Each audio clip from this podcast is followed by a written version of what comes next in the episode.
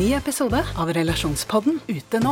Datteren til en av lytterne våre har klippet av seg håret for å donere det bort, men nå blir hun mobbet for det. Hva kan mamma gjøre?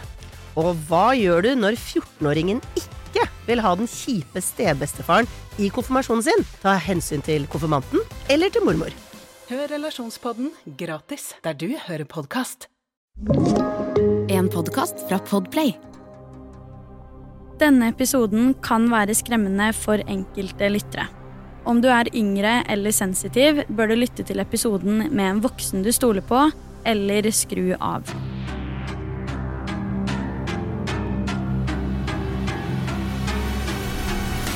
Hei og velkommen til en helt ny Forsvinningsfredag podcast-episode. I denne ukens episode skal jeg ta for meg en sak som skiller seg veldig ut fra de andre sakene som jeg har tatt for meg i podcasten hittil. Det her er en sak som er ganske mye mer kompleks, og den omhandler også tematikk som sexhandel eller menneskehandel. Av det her så vil jeg gjerne be deg om å ta advarselen i begynnelsen av episoden på alvor, da innholdet i dagens episode kan være skremmende og triggende for enkelte lyttere. Dette er saken om 18 år gamle Corinna Slusser. Corinna ble født 6. oktober 1998, som vil si at hun hadde blitt 25 år gammel i år. Hun ble født i Pennsylvania i USA, hvor hun også vokste opp sammen med moren sin. Corinna vokste dessverre opp uten en far, da han døde i en ulykke da hun var veldig liten, så moren har i bunn og grunn oppdratt henne helt på egen hånd. Corinna begynte aller først på Central Columbia High School, før hun etter hvert bytta til Bloomsburg Area High School. I sin tid på ungdoms- og videregående skole var hun veldig aktiv og deltok i både friidrett og cheerleading på skolene hun gikk på. I tillegg til dette hadde hun helt gjennomsnittlige karakterer og var sånn sett en helt vanlig jente som alle andre på sin alder. Hun hadde mange venner og skilte seg ikke ut på noen måte. I Corinnas siste år på videregående bestemmer hun seg for at hun ikke lenger ønsker å drive med friidrett eller cheerleading. På dette tidspunktet i livet hennes er det visst mange endringer som skjer. Karakterene hennes blir lavere, hun bytter vennegjeng, og hele holdningen hennes endrer seg drastisk, ifølge hennes nære. Det er også på dette tidspunktet at Corinna begynner å krangle masse med moren sin på hjemmebane. De to kom virkelig ikke overens i denne perioden. Moren har fortalt i et intervju på Dr. Phil Show at da Corinna fylte 18 år, så gjorde hun nøyaktig som hun ville, til tross for at moren ikke var enig i disse valgene. Rundt en uke etter at Corinna fylte 18, hadde hun og venninnen hennes blitt arrestert for å ha stjålet fra en lokal Dollar Store-butikk. I tiden etter dette får Corinna høyere og høyere fravær fra skolen, og parallelt med det begynner hun også å eksperimentere med både alkohol og narkotika.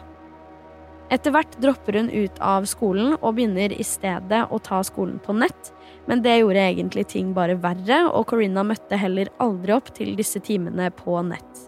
Herifra så går det bare nedover.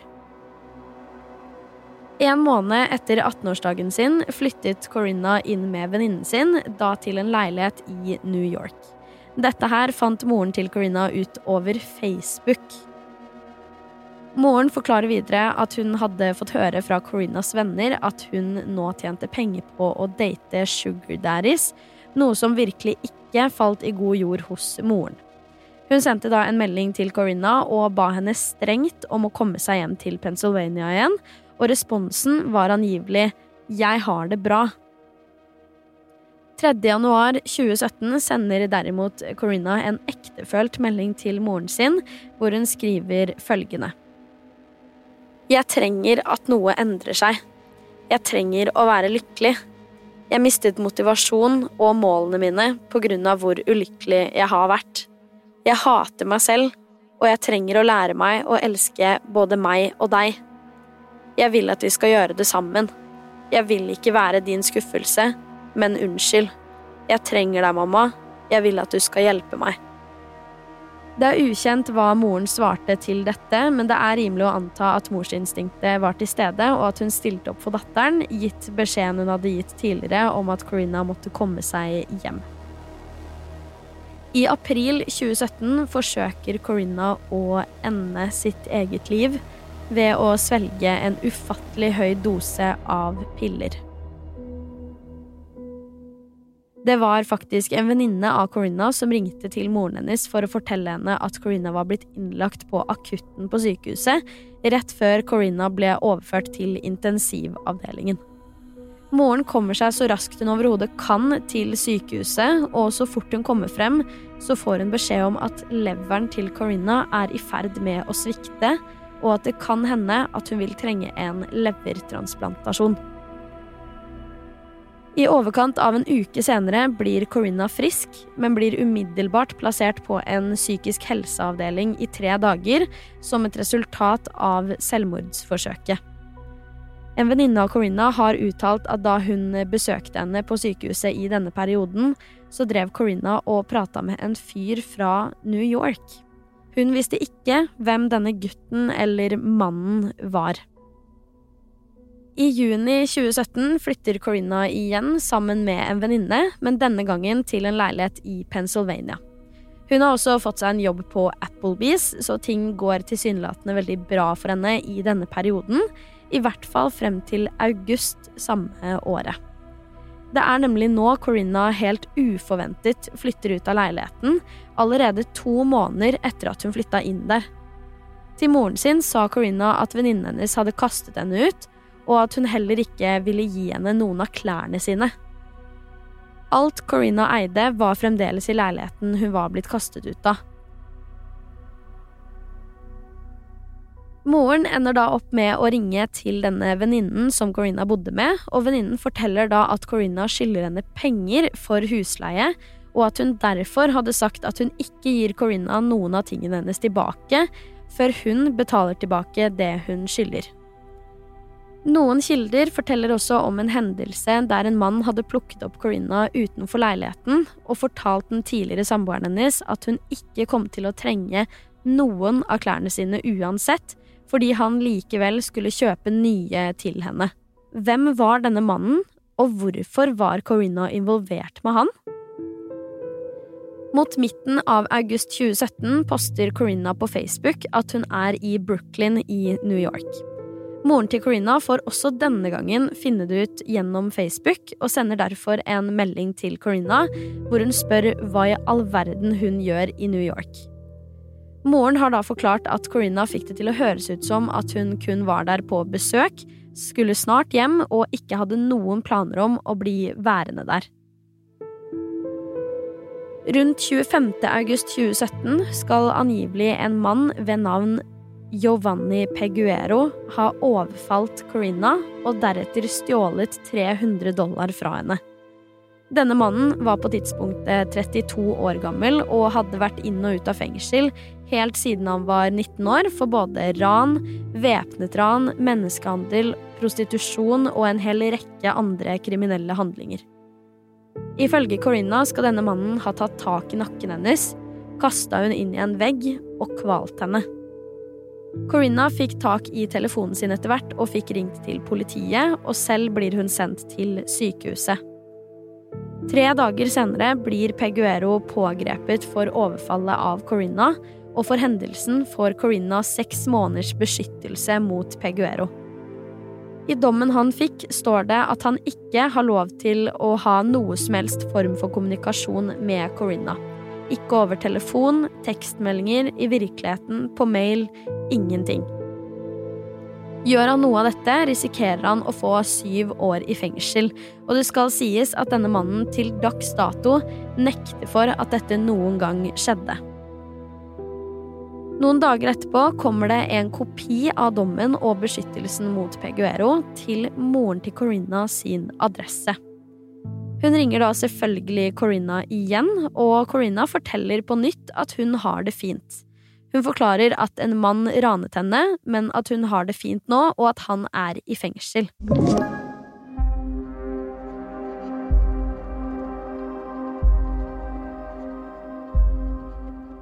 I begynnelsen av september 2017 blir Corinna kjent med en 21 år gammel gutt ved navn Ishi Woni.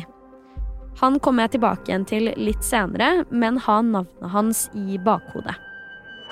7.9.2017 får Corinna seg sin egen leilighet i Bronx i New York, og dette poster hun også på Facebook. Dagen etter oppdaterer hun profilbildene sine på både Facebook og Instagram, men ingenting er uvanlig med disse oppdateringene, ifølge familie og venner. 10.9. derimot så poster Corinna sitt siste innlegg på Instagram, som skilte seg veldig ut fra hva hun normalt sett posta i sosiale medier. Dette er et bilde der man kan se en person røyke det som ser ut til å være marihuana. Det har aldri blitt bekreftet hvem som er personen i bildet, hvorvidt det er Corinna eller noen andre. Personlig så kan jeg ikke si at jeg syns at det her ligner noe særlig på Corinna, men du kan jo bedømme selv, for jeg har nemlig lagt ut bilde av det vi vet er Corinna, og også det mystiske bildet på Instagram-profilen min der jeg heter Forsvinningsfredag. I perioden mellom dette siste Instagram-innlegget og 20.9.2017 sendes det totalt i overkant av 800 meldinger mellom Corinna og Ishi Woni. Det er over 800 meldinger på kun ti dager. Hva er det de egentlig har snakket om? Karakteristikken av disse meldingene har i denne saken her blitt bredt diskutert, og flere kilder drar frem spesielt én melding sendt fra Ishi Woni til Corinna den 16. september 2017. I denne meldingen sender han et bilde av han selv, Corinna og en tredje anonym jente. Denne anonyme jenta skulle senere vise seg å være et offer av Ishi Woni da han drev med menneskehandel. Det er også derfor veldig mange har en sterk følelse på at Corinna Slusser var eller er involvert i menneskehandel, da hun beviselig har tilbrakt store deler av den siste tiden sin med tungt kriminelle personer og miljøer. Mer om det straks. Alt vi vet, er at Corinna Slusser sist ble observert den 20. september 2017. Dette er dagen hun sist snakket med moren sin på telefon, men det er også dagen den siste sikre fysiske observasjonen av Corinna skjedde. Et vitne observerte nemlig Corinna gående ut av Haven Motel i Queens i morgentimene. Corinnas mor fikk beskjed om at motellet ikke hadde noen overvåkningskameraer som fungerte, så derfor så har man ingen bevis på akkurat dette. Politiet tror at Ishiwoni var med Corinna på dette tidspunktet. Jeg nevnte så vidt at Corinna også snakket med moren sin på telefon denne dagen. I fem-seks-tiden på ettermiddagen hadde hun nemlig ringt hjem til moren sin og fortalt at hun kom hjem dagen etter. Moren hadde da svart at om hun skulle komme hjem, så er hun nødt til å skaffe seg en jobb, begynne på skolen igjen og få livet på stell. Moren hadde også sagt at hun skulle i begravelsen til sin egen far, og det oppsto da en samtale om hvorvidt Corinna ville rekke å komme hjem i tide til å rekke begravelsen til da bestefaren sin. Det var da ikke mulig fordi Corinna ikke hadde passet sitt eller gyldig dokumentasjon som hadde tillatt hun å ta flyet hjem i tide. Moren til Corinna forteller på Dr. Phil Show at hun ikke visste noen ting om hva Corinna drev med i New York, før etterforskningen av saken begynte. Det er sånn hun fant ut alt med det tvilsomme miljøet og disse menneskene som datteren beviselig hadde vært involvert med. Dette er jo menn med lange, lange kriminelle rulleblad, og flere av dem allerede kjenninger av politiet. Da etterforskningen var i gang, kom det også ut at i tiden før Corinna sist ga lyd fra seg, så hadde det blitt postet annonser på nett som moren betviler at Corinna selv har publisert. Dette var annonser hvor Corinna solgte seg selv, og moren forteller at hun forsto med en gang at det ikke var Corinna som hadde skrevet dette, da både høyden og vekta som sto skrevet, var feil. I tillegg til dette var ordbruken helt annerledes enn hvordan hun ville beskrevet seg selv. Det som går igjen når Corinas familiemedlemmer snakker om henne, er at de ikke forstår hvordan dette kan ha skjedd, og at det åpenbart er noe kriminelt som har skjedd. Tanta til Corina tror at de mennene hun ble involvert med, har tatt 100% kontroll over henne, og at hun dermed har havnet inn i menneskehandel uten å være klar over det selv. Moren til Corinna forteller at hun ikke forstår hva som er grunnen til alt dette, og at hun ikke skjønner hva som førte til at hun følte seg så dårlig med seg selv at hun trengte denne bekreftelsen. Nå, la oss hoppe litt tilbake til tidslinjen. Det har nemlig skjedd mye etter hvert her som antageligvis vil gjøre deg enda mer forvirra. På kvelden den 20. september var nemlig Corinna i kontakt med denne Peguero-mannen som tidligere hadde overfalt henne. Her ber hun om å møtes og forteller at en mann har sperret henne inne på et motell uten verken mat eller penger. Noen timer senere forsøker Peguero å ringe Corinna på Facebook, men hun svarer aldri, og det er også ukjent hvorvidt de to faktisk møttes den kvelden eller ikke. I slutten av september 2017 prøver moren til Corinna igjen å få kontakt med datteren sin, men uten hell. Hun hadde forsøkt i rundt en ukes tid etter at hun sist faktisk var i kontakt med datteren, men fikk aldri noe svar fra henne. Det gjorde at moren spurte Corinnas venner når de sist så henne var, og svaret hun fikk, var at ingen hadde sett eller hørt fra henne etter at moren sist var i kontakt med henne. Dette gjør naturligvis at moren kontakter politiet, og umiddelbart blir det satt i gang en leteaksjon etter Corinna, og da finner de også ut hvem Corinna sist var i kontakt med. Det var Ishi Woni, som jeg nevnte tidligere. 19.10.2017 sender politiet i New York en mail til Corinna hvor de skriver at familien hennes har meldt henne savnet, og ber hun om å ta kontakt. Denne mailen svarer aldri Corinna på. 29.10, ti dager senere, sender Ishiwoni en melding til Corinna på Facebook og sier at han savner henne og ber henne sende en melding sånn at han vet at hun har det bra.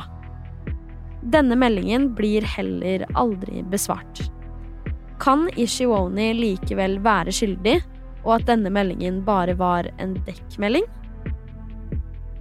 Ting går egentlig stille for seg frem til april 2018, da moren til Corinna mottar et brev i posten hvor noen forsøker å utpresse henne for nærmere 80 000 norske kroner. Her forteller gjerningspersonen, eller personene, at de har Corinna og har kidnappet henne, og at de løslater henne dersom pengekravet blir oppfylt. Personen som har skrevet brevet, ber moren møte han eller henne på en parkeringsplass ved et sykehus for kvinner i New York, og at pengene skal overleveres der sammen med Corinna. Moren er nummeret fra å faktisk dra, men fordi politiet hadde anbefalt henne å ikke gjøre det, da det her kunne være svindel, så bestemmer hun seg til slutt for å ikke dra. Da tikker det inn en melding på telefonen hennes. Husk denne dagen, da. 17. april, tirsdag 2018. For det er dagen du nesten fikk henne. 31.10.2018 blir Ishiwoni pågrepet av politiet. Han blir nå siktet for menneskehandel av Corinna og den andre jenta på bildet han hadde sendt til Corinna i 2017. I en pressemelding forteller politiet følgende. Som påstått tvang Woni sitt offer til å engasjere seg i prostitusjon gjennom makt og tvang, og han brukte både dette offeret og Corinna Slusser som har vært savnet siden september 2017, i nettannonser for prostitusjon. 28.11.2018 blir Ishiwoni dømt til 15 års fengsel for anklagene om menneskehandel, og skal sone straffen sin i et fengsel i Indiana. I rettssaken skal visstnok moren til Corinna ha reist seg opp og bedt om forklaring på hvor Corinna er, og da skal angivelig Ishi ha sagt at han ikke har noen anelse om hvor hun er eller om hun lever, men at han ber for at hun er i live. Også Peguero ble pågrepet og siktet av politiet, men ikke i sammenheng med Corinna. Han ble siktet for salg av ulovlige rusmidler og prostitusjon, og vil faktisk bli løslatt allerede i oktober i år. Nå som vi nærmer oss slutten, er det en veldig viktig detalj jeg må få med, men som foreløpig ikke har gitt politiet noe mer å gå på. I midten av november 2021 var nemlig Corinnas sosiale medieprofiler aktive flere år etter at hun sist ga lyd fra seg. Moren har fortalt at hun selv ikke var inne på kontoene hennes og heller ikke hadde noe passord til dem, så det må ha vært noen andre som har tilgang på de, om ikke det kunne være Corinna selv som var aktiv. Spørsmålet da er hvorfor skulle Corinna vært aktiv selv, men ikke tatt kontakt med alle som har vært bekymret? Var hun under oppsyn av noen? Kunne hun ikke svare? Eller var det rett og slett noen andre som var inne på profilen hennes? Etter dette har Corinna på nytt forsvunnet helt, så hva er det egentlig som skjedde med henne? Dette er spørsmål vi foreløpig ikke har fått noe svar på, og hva som skjedde med henne, får vi kanskje heller aldri vite. Du har hørt Forsvinningsfredag podkast med meg, Sara Høydahl. Tusen takk for at du har lytta til episoden. Jeg er tilbake med en helt ny en allerede neste fredag, og i mellomtiden, ta vare på deg selv.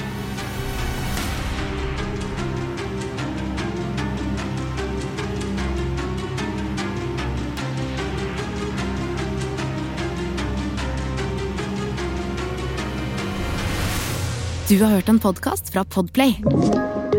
En enklere måte å høre podkast på. Last ned appen Podplay, eller se podplay.no.